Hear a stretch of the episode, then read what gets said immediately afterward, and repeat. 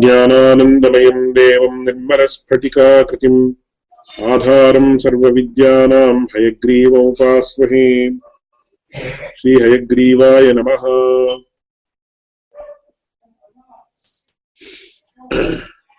नवीन्यायशास्त्रविषये यः पाठः प्रारब्धः तस्य अद्यतनः पाठः तृतीयः। तत्र प्रतिदिनम् अनुवर्तमानः अस्ति इति ममैव बहु सन्तोषः अनुभूयते। तत्र संस्कृतभाषायाम् उच्यते, विशिष्य शास्त्रपाठनावसरे उच्यते, क्षणादूर्ध्वं मतार्किकः तार्किकाः प्रत्येकस्मिन्नपि क्षणेपि तत्र शास्त्रविषयमेव आलोचयेयुः इति तत्र प्रायः नियमः वर्तते। तत्र नियमः नास्ति चेदपि यदा तत्र न्यायशास्त्रस्य विषये रुचिः उत्तिष्ठति, तदानीं स्वयमेव तथा भवति इति अनुभववेद्योऽयं विषयः। एवं न्यायशास्त्रपाठने न्यायशास्त्रपठने च तत्र नैरन्तर्यम् अतीव आवश्यकम्।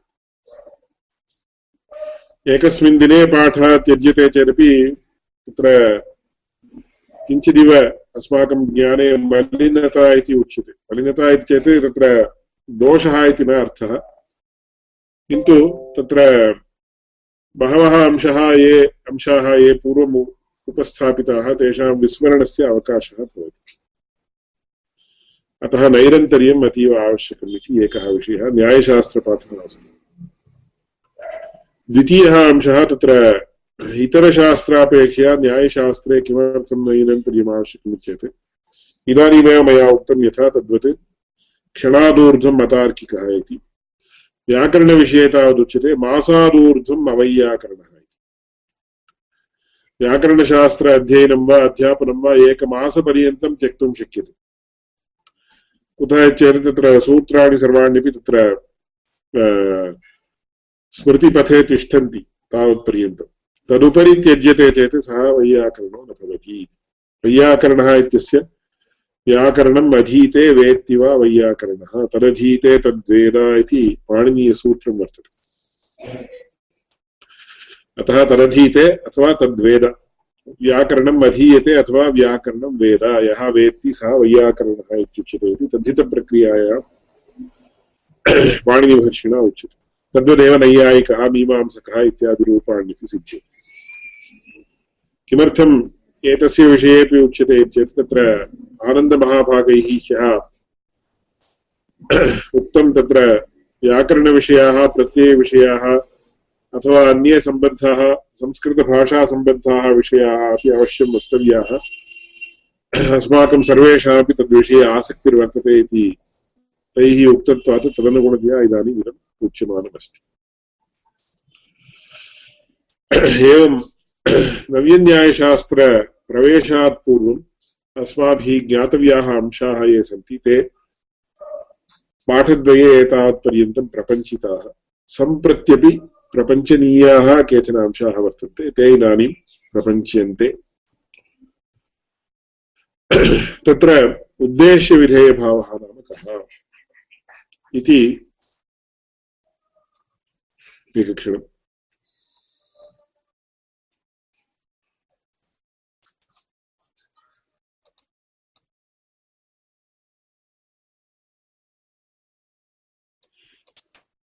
उद्देश्यविधेयभावो नाम कः प्रथमं तत्र प्रश्नः आनन्दमहाभागैः उपस्थापितः, अतीव उत्तमः प्रश्नः। कुतः इत्येतत् प्रकृतोपयोगी अपि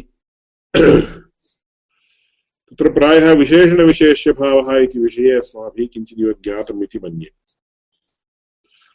तत्र ह्यः पार्थन्महाभागैः पृष्टमासीत्, तत्र कथं नीलोघटः इत्यस्य कथम् अर्थः ज्ञेयः इति तद्विषये किञ्चित् विवृतं मया। तत्र नीलोघटः इति प्रसिद्धं नीरः इति विशेषणं, नी नी घटः इति विशेष्यम् इति यद्यपि उच्यते जनैः। परन्तु शास्त्रीयदृष्ट्या यदा वयं पश्यामः तदानीं नीलः इति विशेषणवाचकं पदम्। घटः इति विशेष्यवाचकं पदम्। तर्हि नीलः इति विशेषणवाचकं पदम् इति न विशेषणं वा इति प्रश्नः क्रियते चेत् नीलः इति न विशेषणम्। किन्तु नैल्यं विशेषणम् इत्येव वक्तव्यम्। इदं सर्वं यथा अष्टमकक्षायां वा नवक नवमकक्षायां वा पाठः क्रियते तदानीं विशेषणविशेषभावः इति इति चेत् नीलो नीलमुत्पलम् इति वर्तते इति उत्पलम् इति विशेष्यं नीलम् इति विशेषणं समीचीनम् इति उक्त्वा अग्रे गम्यते परन्तु तत्र तथा वास्तवतया शास्त्रीयदृष्ट्या तथा नास्ति सूक्ष्मेक्षिकया ईक्षिका नाम दृष्टिः सूक्ष्मदृष्ट्या यदा वयं पश्यामः तदानीं नीलः इति न इति विशेषणवाचकं पदं किमर्थम् इति चेत् नीलः इति न विशेषणं। कुतः? नीलः इत्यस्यापि घटः इत्येव अर्थः। शाब्दबोधावसरे अस्माभिः उच्यते। शाब्दबोधवर्णनावसरे नीलः इति कं पदार्थं बोधयति इति चेत् नीलविशिष्टं घटम्। तर्हि नीलवान् घटः इति खलु वक्तव्यमित्येत् ह्यः अस्य प्रश्नस्य मया उत्तरं दत्तमासीत् तत्र। गुणवचनान् गुणवचनान्मतुपोलुगिष्टः वास्तवतया नीलवान् घटः इत्येव वक्तव्यं, परन्तु गुणवचनान् गुणवचनान्मतुपोलुगिष्टः इति वार्तिकस्य सद्भावात् तत्र। नीलः घटः इति उच्यते। नीलः इत्यस्य नीलरूपाश्रयः इत्येव नीलरूपाश्रयः कः भवति? घटः भवति। अतः नीलः इत्यस्यापि घटः इत्येव अर्थः इत्येतत् नीलरूपाश्रयत्वेन घटम् उपस्थापयति घटः इति पदं घटत्वेन रूपेण घटम् उपस्थापयति तस्य एकं लौकिकम् उदाहरणं दातव्यं चेत् इदानीं दशरथः अस्ति रामपिता अयोध्याराजा दशरथः इति यदि उच्यते तदानीं किं भवति? दशरथः इति विशेष्यं यद्यपि समीचीनं। दशरथः इत्यस्य कोऽर्थः? दशरथ इति नामवान् इत्यर्थः। रामपिता इति यदि उच्यते, तदानीं रामस्य पितृत्वेन, रामस्य पिता, रामपिता, रामपितृत्वेन दशरथस्य उपस्थापनं भवति। अयोध्याराजा इति चेत् अयोध्यायाः राजत्वेन तस्य उपस्थितिः, अयोध्यायाः नृपत्वेन तस्य उपस्थितिः भवति। अतः तत्र किं भवति? यत्र इदानीं दशरथः एक एव, परन्तु तत्र यदा तस्य अयोध्यानृपत्वेन उपस्थितिः भवति, तदानीं विषयः अन्यः। यदा रामपितृत्वेन उपस्थितिः भवति, तदानीं तस्य विषयः अन्यः। इदानीं रामस्य उपनयनं कर्तव्यम्, अथवा रामस्य नामकरणं कर्तव्यम्। तदानीं कः तत्र अधिकृतः इति चेत्। रामपिता दशरथः रामस्य तत्र नामकरणं कृतवान् इत्येव वक्तव्यम्। सः तत्र अयोध्यायाः नृपतिरपि भवति, तत्र चिन्ता, सन्देहो नास्ति। परन्तु एकादशे हनि पिता नाम कुर्यात् इति वर्तते, अथवा द्वादशे हनि पिता नाम कुर्यात् इति। पुत्रस्य नामकरणं पित्रा कर्तव्यम् एकादशे हनि वा तस्य जातदिनात् एकादशे हनि वा द्वादशे हनि वा कर्तव्यम् इति विधिर्वर्तते। तस्मात् नामकरणे अधिकृतः कः चेत् दशरथस्य पिता एव। रामस्य पिता एव। एवं सः एवं राज्ये एवं शासनम् अकरोत् इति क्रियते, उच्यते चेत् तदानीम् अयोध्यायाः नृपः एवं शासनम् अकरोत् इति इति चेत् तत्र फलदृष्ट्या दशरथः एकश्चेदपि। तस्य भिन्नभिन्नधर्मे, धर्मेण उपस्थितिः भवति, भिन्नभिन्नधर्मद्वारा उपस्थितिर्भवति। यथा इदानीं नरेन्द्रमोदी भवति he is a son to his mother he is the prime minister of India he is an elder brother to his younger brother तस्य, कनिष्ठभ्राता अत्र आगतः, कोऽपि सः अन्यः कश्चित् मोदी, सुशील् मोदी इति वा किञ्चित्। तदानीं तस्य अग्रजः अपि भवति। अग्रजत्वेन कानिचित् कार्याणि क्रियन्ते, पुत्रत्वेन कानिचित् कार्याणि क्रियन्ते, तत्र प्रधानमन्त्रित्वेन कानिचित् कार्याणि क्रियन्ते। इति चेत् कीदृशधर्मद्वारा अयं पदार्थः उपस्थापितः उपस्थापितः अथवा उपस्थितः इति चेत् तत्र उपस्थितिः नाम ज्ञानम्। कथमिदं ज्ञातम्? एवम् एतादृशधर्मद्वारा ज्ञातम् इत्येत् तदानीं व्यवहारः अन्यः। तादृशधर्मद्वारा अस्य ज्ञानं जातम् इत्येत् तदानीं व्यवहारः अन्यः। एवं रीत्या नव्यन्यायशास्त्रे किं भवति चेत् अतीव तत्र परिष्कृतः, परिष्कृता प्रक्रिया वर्तते, या अस्माभिः सुस्पष्टं ज्ञेयम्। अग्रे यदा वयं गच्छामः, तदानीम् अस्माभिः इतोपि अस्य सुस्पष्टानि अथवा सुस्पष्टतराणि उदाहरणानि ज्ञातुं शक्यन्ते।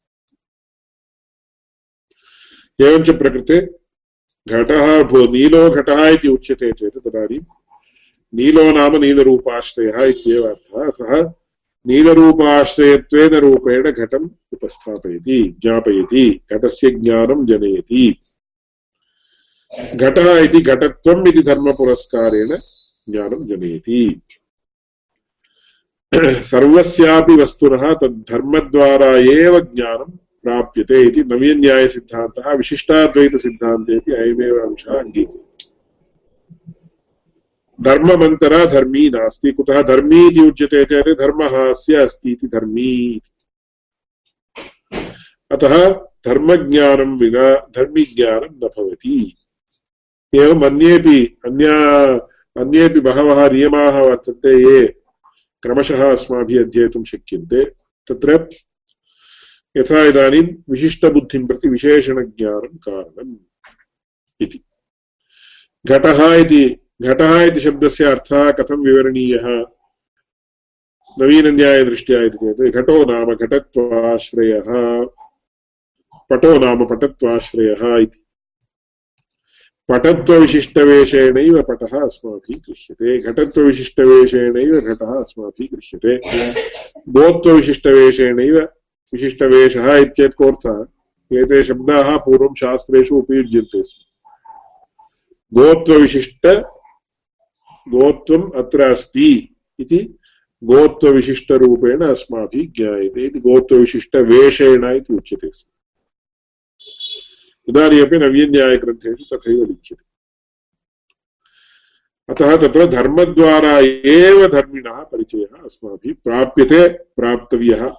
अनुभवानुरोधेन प्राप्तव्यः इति चेत् इदा यथा इदानीम् अहम् इदानीमां लेखनीं पश्यामि। इयं लेखनी इति ज्ञानम् अस्माभिः प्राप्तव्यं चेत् प्रथमं तत्र लेखनीत्वज्ञानम् आवश्यकम्। तदेव तत्र अग्रे आगच्छति सविकल्पकं, निर्विकल्पकं चेति।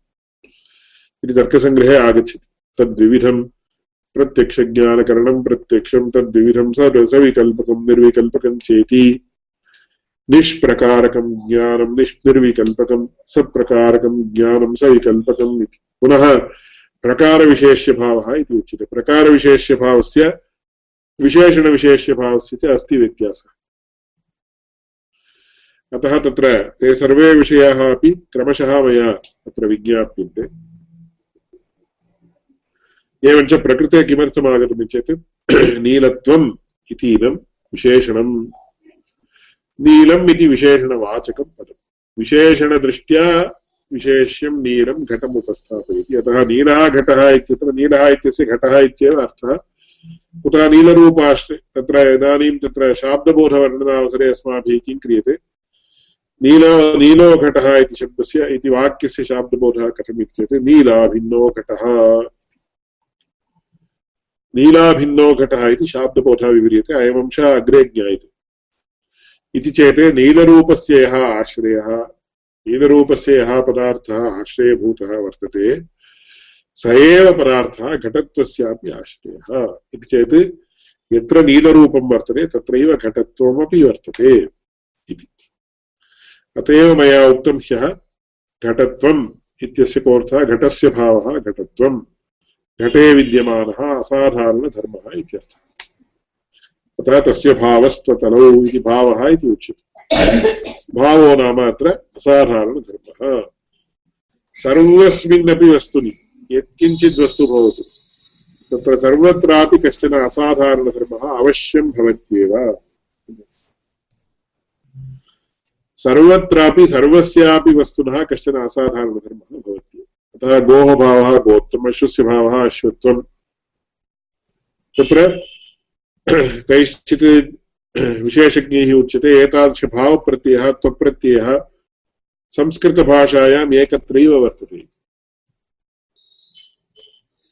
तत्र कौहुड् इति, कौ कौनेस् इति वा, कौहुड् इति वा, किञ्चित् किञ्चित् उच्यते इङ्ग्लिश् भाषायां परन्तु तत्र स्टाण्डर्डैसेशन् नास्ति।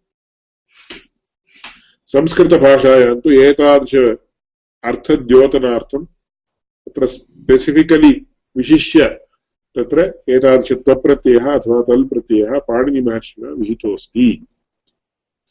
अतः एतादृशरीत्या भावप्रत्ययः अन्यस्यां कस्यापि भाषायां नास्ति इति तज्ञाः वदन्ति। अतः तत्र त्वप्रत्यययोजन योजनेन किं ज्ञायते इति चेत् तस्मिन् तस्मिन् वस्तुनि विद्यमानः असाधारणधर्मः इत्यर्थः बोध्यते। तथा घटस्य भावः घटत्वं, पटस्य भावः पटत्वं, कुड्यस्य भावः कुड्यत्वं, कुसूरस्य भावः कुसूरत्वं, लेखन्याः भावः लेखनीत्वं, अथवा लेखनीता सर्वत्रापि। तल् प्रत्ययः आगच्छति चेत् घटत्व, घटस्य भावः घटता, घटत्वं द्वयमपि अत्र भवति। एवञ्च प्रकृते नीलो घटः इत्यत्र नीलत्वं विशेषणं। नीलः इति विशेषणवाचकं पदम्। एवञ्च नीलोघटः इति विशेषणविशेष्यभावः। तत्र तयोः बोध्यते कयोः नीलत्वस्य नाम नीलरूपस्य। नीलरूपापरपर्याय नीलत्वस्य इति वक्तव्यम्। एवं नीलरूपापरपर्यायस्य नीलत्वस्य घटे अस्तित्वं बोध्यते नीलोघटः इत्यनेन। एवञ्च नीलो घटः इत्यस्य कोऽर्थः? नीलरूपाश्रया भिन्नो घटः इति।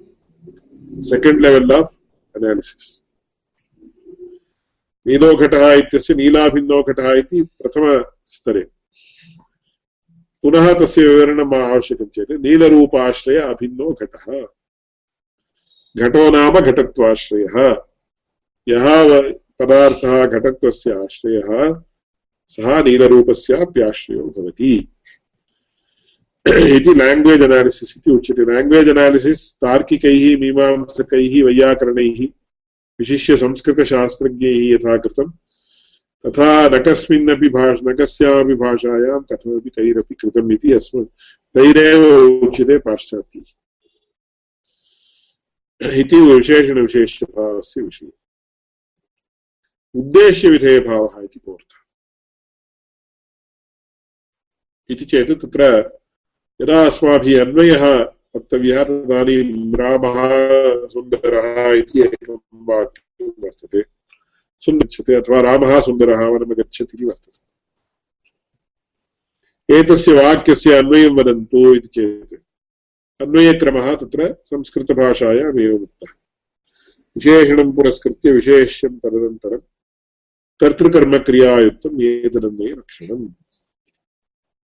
इति विशेषणं पुरस्कृत्य विशेष्यं तदनन्तरम् इति वर्तते। दशरथपुत्रः रामः तदीयाज्ञया वनमगच्छत् एवञ्च रामः दशरथपुत्रः तदीयाज्ञया वनमगच्छत् इति वक्तव्यं वा? दशरथपुत्रः रामः तदीयाज्ञया वनमगच्छत् वक्तव्यं वा इत्युक्ते विशेषणं प्रथमं वक्तव्यं विशेषणं पुरस्कृत्य विशेष्यं तदनन्तरम् इति। अनन्तरं कर्तृकर्मक्रिया इत्यं तत्र कर्तृपदस्य विशेषणमति अस्ति चेत् कर्तृपदात् पूर्वं कर्मपदस्य विशेषणमस्ति चेत् कर्मपदात् पूर्वं क्रियाविशेषणमस्ति चेत् क्रिया, क्रियापदस्य पूर्वं तस्य निवेशः कर्तव्यः यथा इदानीं दशरथपुत्रः रामः गहनं वनं शीघ्रम् अगच्छत् इति उच्यते। तदानीं गहनं वनम् इति वनं गहनम् इति वनशब्दस्य विशेषणं तस्मात् वनशब्दात् पूर्वं तस्य प्रयोगः कर्तव्यः। शीघ्रम् आगच्छते इति, शीघ्रम् इति तत्र क्रियाविशेषणम्, अतः क्रियापदात् पूर्वं तस्य तत्र अन्वये नियोजनं कर्तव्यम्। कथमगच्छति अगच्छत् क्रियाविशेषणानां कर्म कर्मत्वं नपुंसकता च इति नियमः वर्तते। अतः शीघ्र अगच्छन् इति उच्यते चेदपि शीघ्रम् इत्येव तत्र क्रियापदे यथा कथञ्चित् व्यत्यासः भवति चेदपि तत्र विशेषणक्रियायाः विशेषणभूतं पदं किं भवति? नियमेन तथैव तिष्ठति। शीघ्रम् अगच्छन् शीघ्रम् अगच्छ अगच्छत् गच्छामः, गच्छेयुः, गच्छतः, शीघ्रं गच्छतः, कथं यथा कथञ्चित् क्रियापदे परिवर्तनं भवति चेदपि तत्र क्रियाविशेषणं तु तथैव अवतिष्ठति, तत्र व्यत्यासो न भवति। कुतः क्रियाविशेषणानां कर्मत्वं नपुंसकता च। तत्र द्वितीयाविभक्तेः प्रथमपुरुषे प्रथम एकवचने यदि प्रयोगः यथा क्रियते, तथैव अवतिष्ठते, शीघ्रं गच्छति। शनैः गच्छति स्वशनैः इति तु अव्ययम् स्वल्पं गच्छति, मृदु गच्छति इत्यादि उदाहरणानि अत्र अनुसन्धेय. एवञ्च प्रकृते विशेषणविशेष्यभावविषये एवम् उच्यते, एवम् अन्वयकरणावसरे अथवा अन्वयकथनावसरे अस्माभिः किं क्रियते? प्रथमं विशेषणम् उक्त्वा अनन्तरं विशेष्यं वक्तव्यम्. इदानीम् उद्देश्यविधेयभावो नाम कः चेत् उद्देश्यं नाम ज्ञातं सत् यत् ज्ञाप्यते तदुद्देश्यम् इति तत्र उद्देश्यशब्दस्य निर्वचनम् अज्ञातं सत् यत् ज्ञाप्यते सः विधेयः। इति इदानीं मया प्रथमम् उदाहरणम् एकं दीयते। आनन्दः मया कदाचित् कुत्रचित् दृष्टः। अनन्तरं पार्थमहाभागः किं करोति इति चेत्, वदति तत्र, आनन्दः आनन्दः एवं कृतवान्, एवं सः अत्यन्तं सम्यक् पठितवान् इति चिन्तयामः। ओ, आनन्दः इत्येत् कः इति अहं पुनः पृच्छामि चेत्। गतसप्ताहे भवता दृष्टः खलु, स एव आनन्दः इति उच्यते स एव आनन्दः इति यदा वाक्यम् अस्माभिः श्रूयते अत्र वाक्ये आनन्दः इति विशेष्यवाचकं पदम्। सः इति प्रथम, आनन्दः इत्यपि प्रथमाविभक्ति एकवचने वर्तते, सः इत्यपि प्रथमाविभक्ति एकवचने वर्तते। एवञ्च सः इति आनन्दः इत्यस्य विशेषणम्। परन्तु स एव आनन्दः इत्येतत् तत्र सः इति तच्छब्दस्य पुल्लिङ्गान्तं, पुल्लिङ्गे प्रथमपुरुषे एकवचने रूपम्। सः इति तत् इति चेत् कोऽर्थः? पूर्वं भवता दृष्टः खलु, स एव आनन्दः इति उच्यते। इति चेत् तत्त्वेन, आनन्दत्वेन मया न ज्ञातः। चेत् व्यक्तिः आनन्दः इति कश्चन काचन व्यक्तिः इति वक्तव्यं। कश्चन पुरुषः दृष्टः मया पूर्वं। तस्य नाम आनन्दः इति मया न ज्ञातम् परन्तु तत्त्वेन, इति चेत् इदन्त्वेन, अथवा तत्त्वेन, सः पूर्वं ज्ञातः। तदानीं स एव आनन्दः इति उच्यते। इति चेत् तत्त्वेन ज्ञातः इत्येत् तदानीं ज्ञातं सत् यत् ज्ञाप्यते तत् उद्देश्यं। तत्त्वेन मया ज्ञातः। अनन्तरम् आनन्दत्वेन मया न ज्ञातः। अतः स एव आनन्दः इति उच्यते चेत् तम् उद्दिश्य आनन्दत्वं विधीयते इति अस्माभिः तत्र विवरणं क्रियते। यदि एतादृश घटनाप्रक्रियायां व्यत्यासः भवति। यथा इदानीम् अद्य पार्थन्महाभागः मया स वार्तालापावसरे वदति। आनन्दः आनन्दः इति अतीव बुद्धिमान् कश्चन विद्यार्थी वर्तते अथवा विद्वान् वर्तते। सः एतादृशः तस्य एते गुणाः सन्ति इत्यादिकम् उच्यते। एवम् आनन्दविषयकप्रस्तावानन्तरं तदानीम् आनन्दः अपि तत्र आगच्छति। तदानीं पार्थं महाभागः मह्यं किं वदति? अयमेव आनन्द आनन्दः अयमेव इति वदति। अयमेव आनन्दः इति न वदति। आनन्दः अयमेव इति वदति। तदानीम् उद्देश्यविधेयभावप्रक्रियायां व्यत्यासः भवति। किमिति? आनन्दत्वेन मया ज्ञातः परन्तु इदन्त्वेन न ज्ञातः। तदानीं किं भवति? पूर्वं ज्ञातं सत् एते ज्ञाप्यते चेत् आनन्दः इति कश्चन अस्ति इति मया पूर्वं ज्ञातम् सः कः इति परिचयः नासीत्। न, अयमेव इति पुरो पुरतः उपस्थितत्वेन सः ज्ञाप्यते। अतः आनन्दत्वेन ज्ञातस्य पुरुषस्य इदन्त्वेन उपस्थानं स्थापनं यदा क्रियते तदानीम् आनन्दः अयमेव इति तत्र वाक्यप्रयोगः भवति। एवञ्च यः ज्ञातांशः सः उद्देश्यमिति उच्यते, अज्ञातांशः विधेयम् इति उच्यते अज्ञातांशः ज्ञातं सते ज्ञाप्यते तदुद्देश्यम्, अज्ञातं सते यते ज्ञाप्यते सः विधेयः। इदानीम् अन्यदेकम् उदाहरणं स्वीकुर्मः। सुन्दरः रामः। इति विशेषणं, विशेषणविशेषभावसहितं वाक्यम्। इति चेत् सुन्दरः कश्चिदस्ति इति इदानीं पूर्वमेव ज्ञातं सुन्दरः कः? सुन्दरः रामः। इति चेत् सुन्दरत्वेन उपस्थापितस्य पुरुषस्य रामत्वं विधीयते। सुन्दरः कश्चिदस्ति इति पूर्वमेव ज्ञातं का सः कः इत्येतत् रामः इति उच्यते। यदि रामः सुन्दरः इति उच्यते, तदानीं किं भवति? रामः इति कश्चन अस्ति इति सः ज्ञातः। तस्य सौन्दर्यम् अस्ति इति इदानीं न ज्ञातम् तदानीं रामम् उद्दिश्य विधीयते। अतः सर्वस्मिन्नपि वाक्ये यत्किमपि वाक्यं भवन्तः गृह्णन्तु। यथा वृत्तपत्रिकायाम् उच्यमानानि वाक्यानि पश्यन्तु। सर्वस्मिन्नपि वाक्ये उद्देश्यविधेयभावः अवश्यं भवत्येव। यथा रामः वनं गच्छति इति वाक्यं स्वीकुर्मः। रामः इति कश्चिदस्ति इति अस्माभिः ज्ञातम्। सः किम् अकरोत् वनम् अगच्छत् अथवा वनं गच्छति। किं करोति? वनं गच्छति। इति रामम् उद्दिश्य वनगमनं विधीयते। विधीयते चेत् वनं गच्छ इति तस्य विधिः क्रियते इति नार्थः सः तादृशज्ञानविषयी भवति। रामः किम् अकरोत्? रामः वनम् अगच्छत्। इति अस्माभिः प्रश्नं कृत्वा उत्तरं प्रश्नः क्रियते चेत् तस्य प्रश्नस्य उत्तरम् आगच्छति चेत् प्रश्नः प्रश्नः कस्मिन् विषये रामः किम् अकरोत् इति चेत् कोऽर्थः? रामः इति कश्चन अस्ति इति सः ज्ञातपूर्वः इत्यर्थः। अतः रामम् उद्दिश्य वनगमनं विधीयते इति अस्माभिः उच्यते। अतः सुन्दरः रामः इति प्रयोगस्य रामः सुन्दरः इति प्रयोगस्य च को व्यत्यासः, कोऽपि व्यत्यासः नास्ति इति सामान्यतः वदेयुः संस्कृतभाषायां केवलभाषादृष्ट्या उच्यते चेत् कोऽपि व्यत्यासः नास्ति।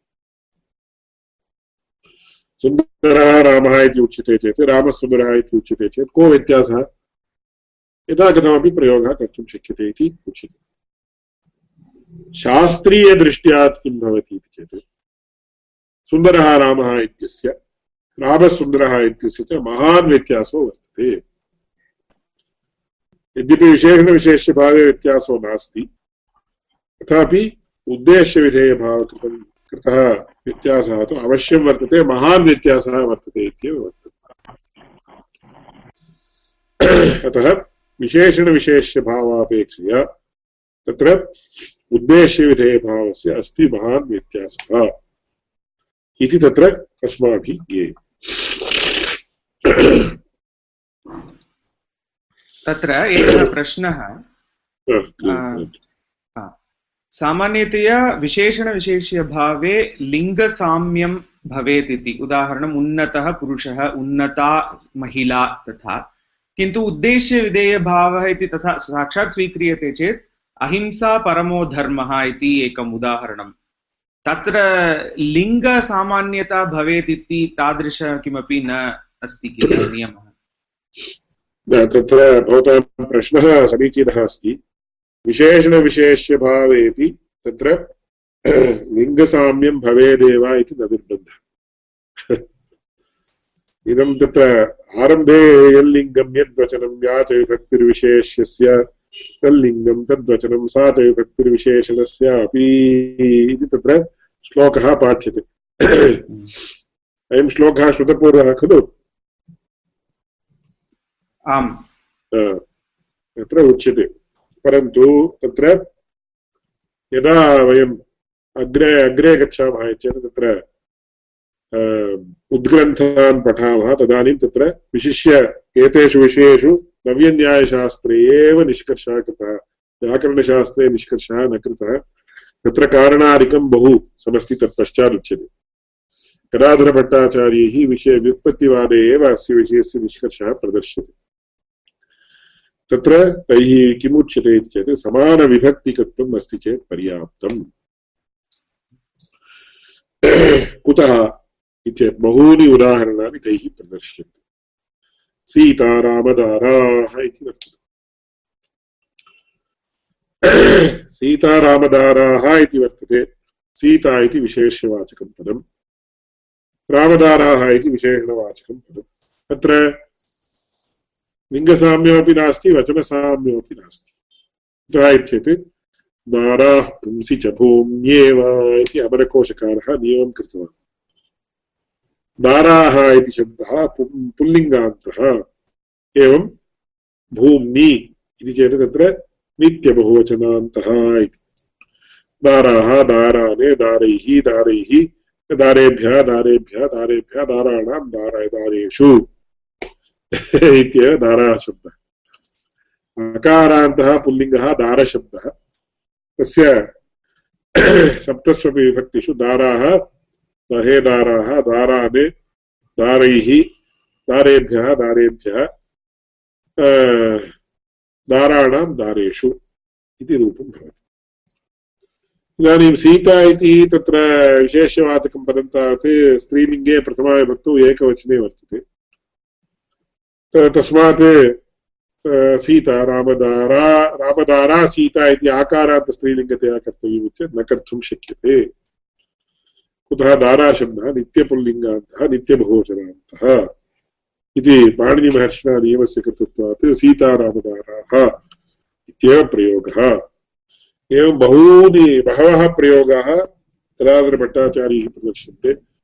यथा वेदाः प्रमाणम्।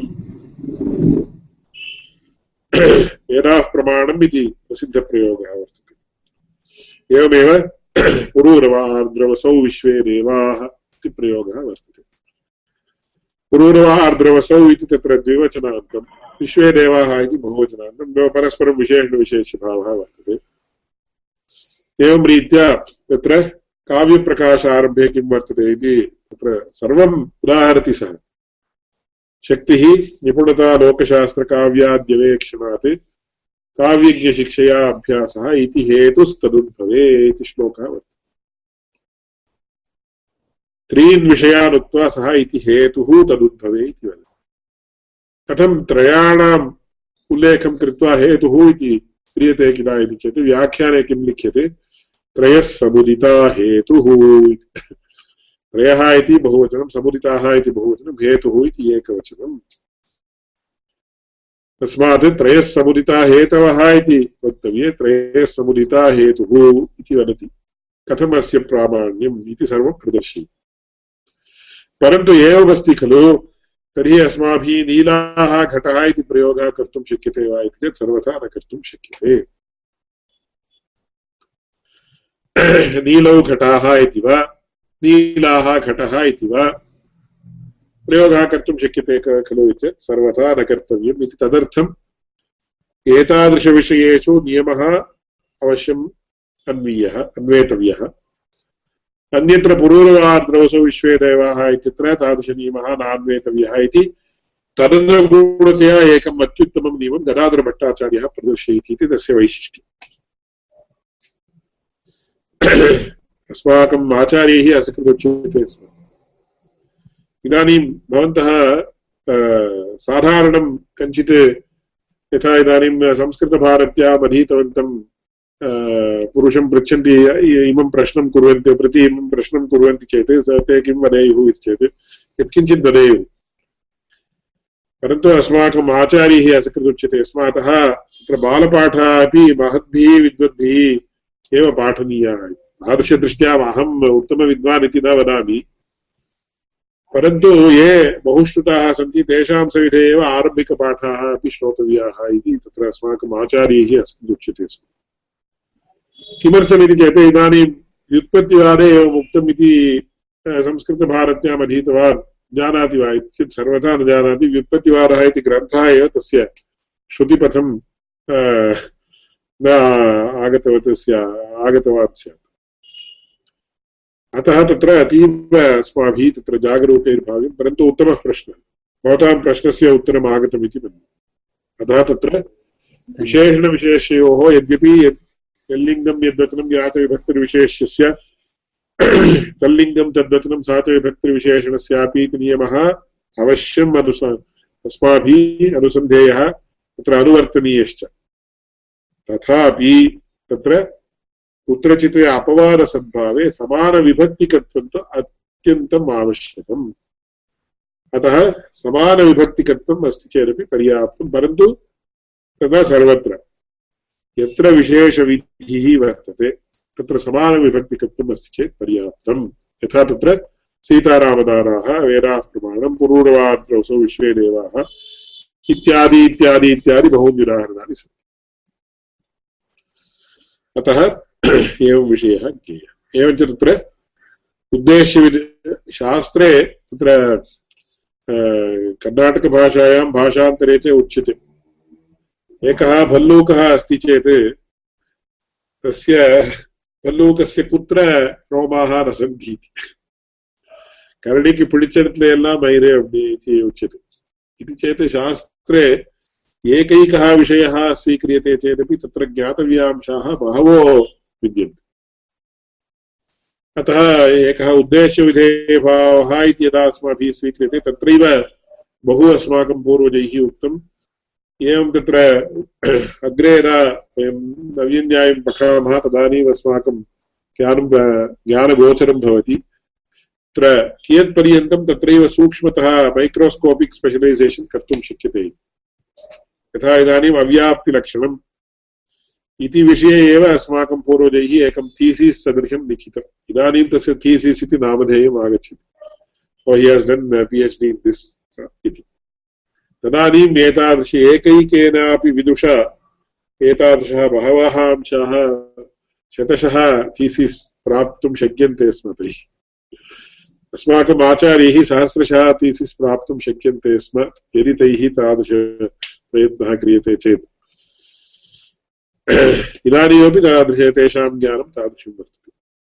अतः उद्देश्यविधेयभावस्य एवं विशेषणविशेष्यभावस्य च अयमेव व्यत्यासः। परन्तु आपाततः यदि अस्माभिः संस्कृतभाषायां स्वभाषादृष्ट्या यथा तत्र आरम्भिकपाठावसरे अस्माभिः रामसुन्दरः सुन्दरः रामः इत्यस्य च कोऽपि व्यत्यासः नास्ति। उभयमपि वाक्यं समानार्थकम् इत्येव स्वीकर्तुं शक्यते। सूक्ष्मेक्षिकया सूक्ष्मदृष्ट्या यदा वयं पश्यामः तदानीम् अस्ति व्यत्यासः तत्रापि इति अस्माभिः सुस्पष्टं ज्ञायते।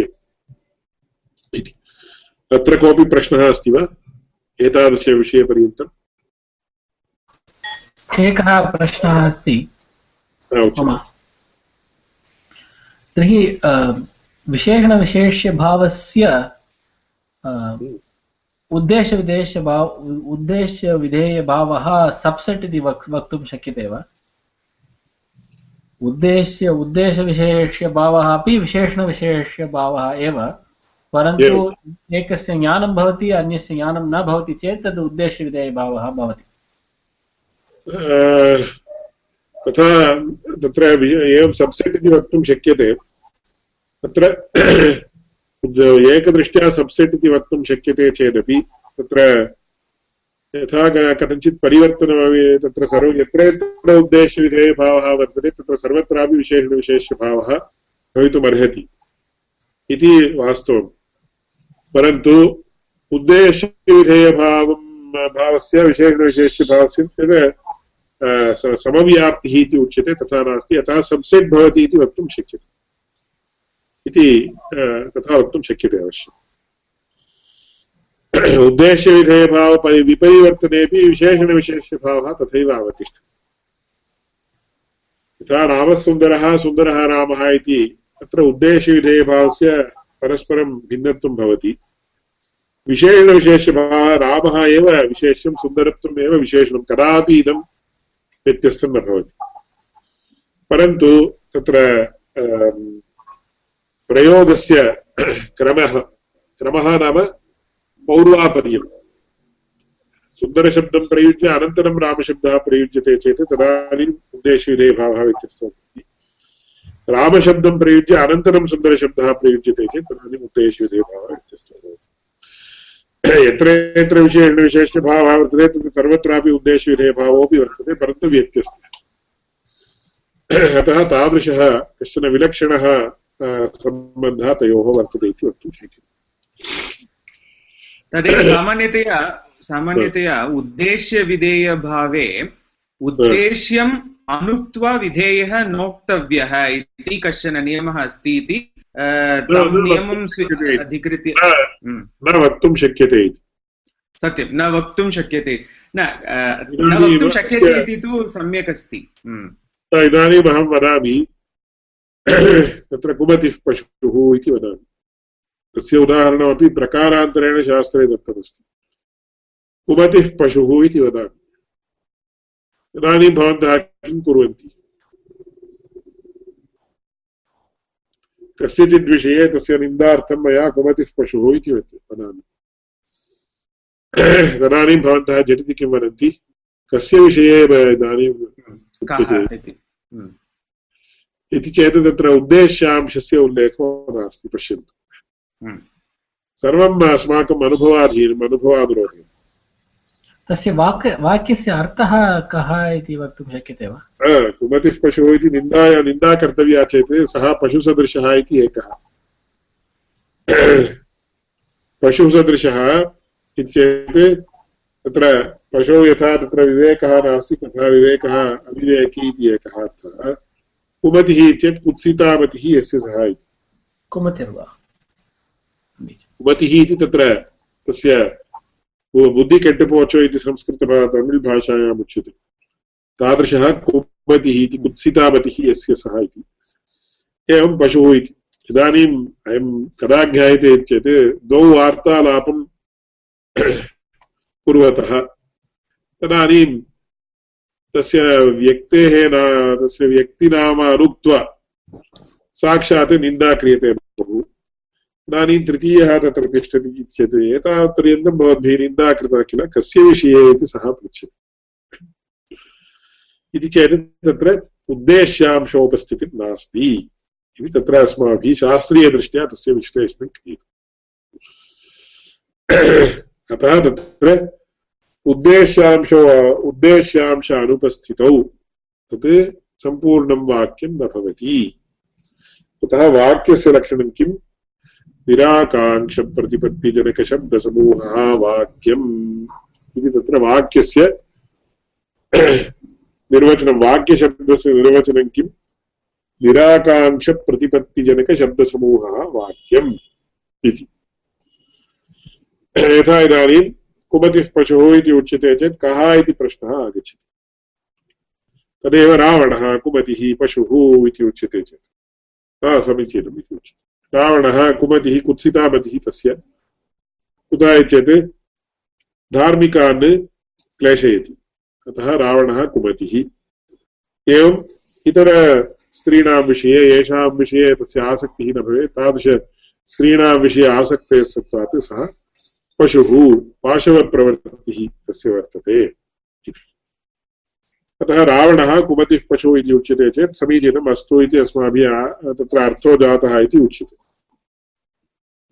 केवलं कुमतिः पशुः इत्येते वाक्यम् अपूर्णम्। तथा रामः वनम् इति उच्यते चेत् तत्र आकाङ्क्षा न शान्ता भवति।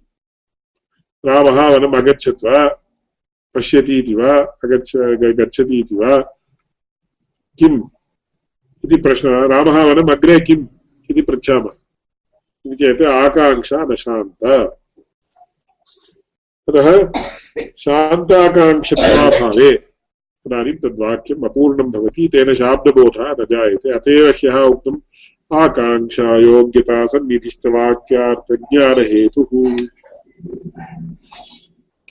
तत्परोत्तर तत्परवत्वमाकाङ्क्षा इत्यादिकं सर्वं तर्कसङ्ग्रहे उच्यते।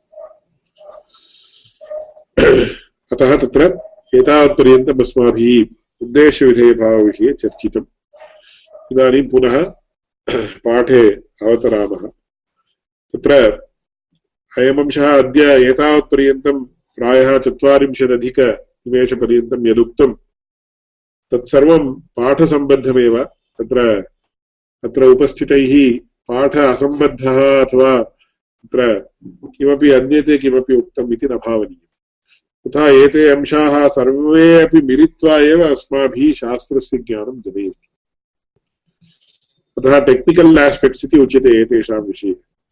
टेक्निकल् आस्पेक्ट्स् इति पारिभाषिकविषयाः यावत्पर्यन्तं न ज्ञायन्ते तावत्पर्यन्तम् अस्माभिः तत्र शास्त्रस्य मर्म न ज्ञातुं शक्यते। अतः तत्र एतादृशविषये अस्माभिः अतीव अवश्यं ज्ञानं प्राप्तव्यम्। इदानीम् अग्रे तत्र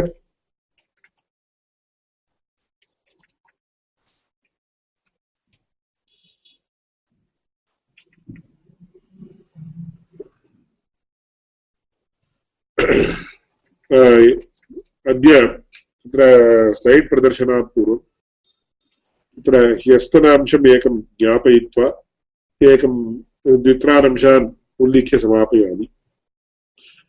तत्र ह्यः अस्माभिः समानाधिकरणप्रयोगः इति कोऽर्थः व्यधिकरणप्रयोगः इत्यस्य कोऽर्थः इति द्वयम् अपि दृष्टम्। तत्र इदानीं भूतले घटः इति उदाहरणम् अस्माभिः स्वीकृतम्। अत्र अस्ति अंशत्रयम्, भूतला इति पदम् एकं, पदत्रयम् इति मया ह्यः उक्तं, शक्तं पदम् इति निर्वचनम् अनुरुध्य तत्र पदत्रयं वर्तते। भूतला इति एकं पदम्। ए इति शब्देन ज्ञाप्यमान सप्तमीभक्तिरूपम् एकं पदम्। न्यायशास्त्रदृष्ट्या पदम्। घटः इत्यत्र घट इति एकं पदम्। तदुत्तरविद्यमानप्रथमाविभक्तेः अर्थविशेषो नास्ति, सामान्यतः इति उक्तम्। भूतल सप्तमीविभक्तिः घट इति त्रीणि पदानि अत्र वर्तन्ते अस्मिन् वाक्ये। भूतलपदस्य भूतलं फ्लोर् इत्यर्थः। तदुपरि एव किं वर्तते? तदव्यवहितोत्तरतया सप्तमीविभक्तिप्रत्ययः वर्तते। तादृशसप्तमीविभक्तिप्रत्ययस्य कोऽर्थः इति चेत् अधिकरणं सप्तम्यधिकरणे च इति अर्थः एवं च भूतलम् अधिकरणम् इति कथं ज्ञायते? भूतलमेव अधिकरणम् इति कथं ज्ञायते? भूतल अव्यवहितोत्तरतया।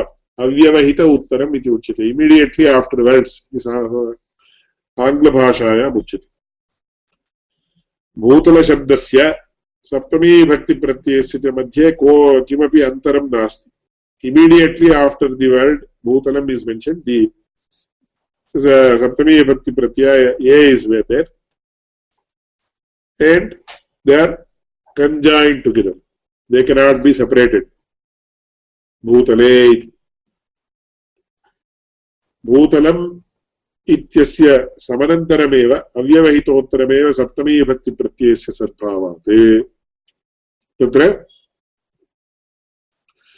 किं ज्ञायते इति चेत् भूतलम् अधिकरणम् इति ज्ञायते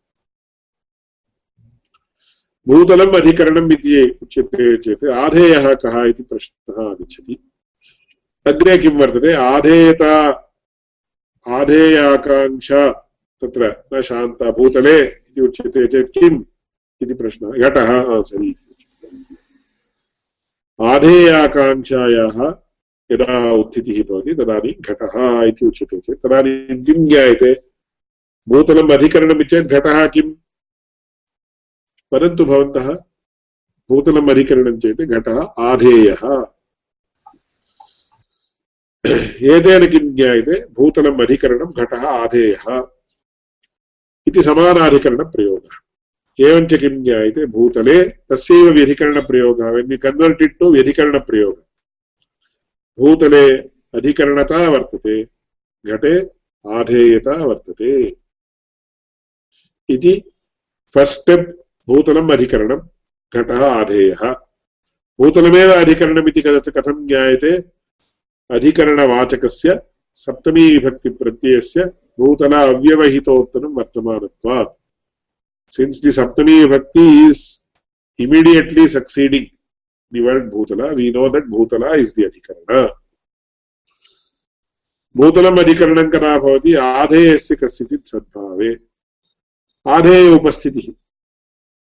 घटशब्देन क्रियते। आधेय उपस्थापनं घटशब्देन क्रियते। सः घटः इति इमिडियेट्लि आफ्टर् भूतले किम् इति प्रश्नः आगच्छति चेत् घटः इति प्रश्नस्य उत्तरं घटः इति उत्तरं भवति। तस्मात् घटः आधेयः।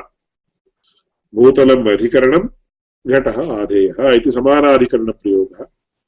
तस्यैव व्यधिकरणप्रयोगरूपेण परिवर्तनं क्रियते चेत् भूतले अधिकरणता वर्तते। अथवा वर्तते। घटे आधेयता वर्तते अथवा आधेयत्वं वर्तते। इति एतावत्पर्यन्तम् अस्माभिः मया अद्य प्रस्तूयते।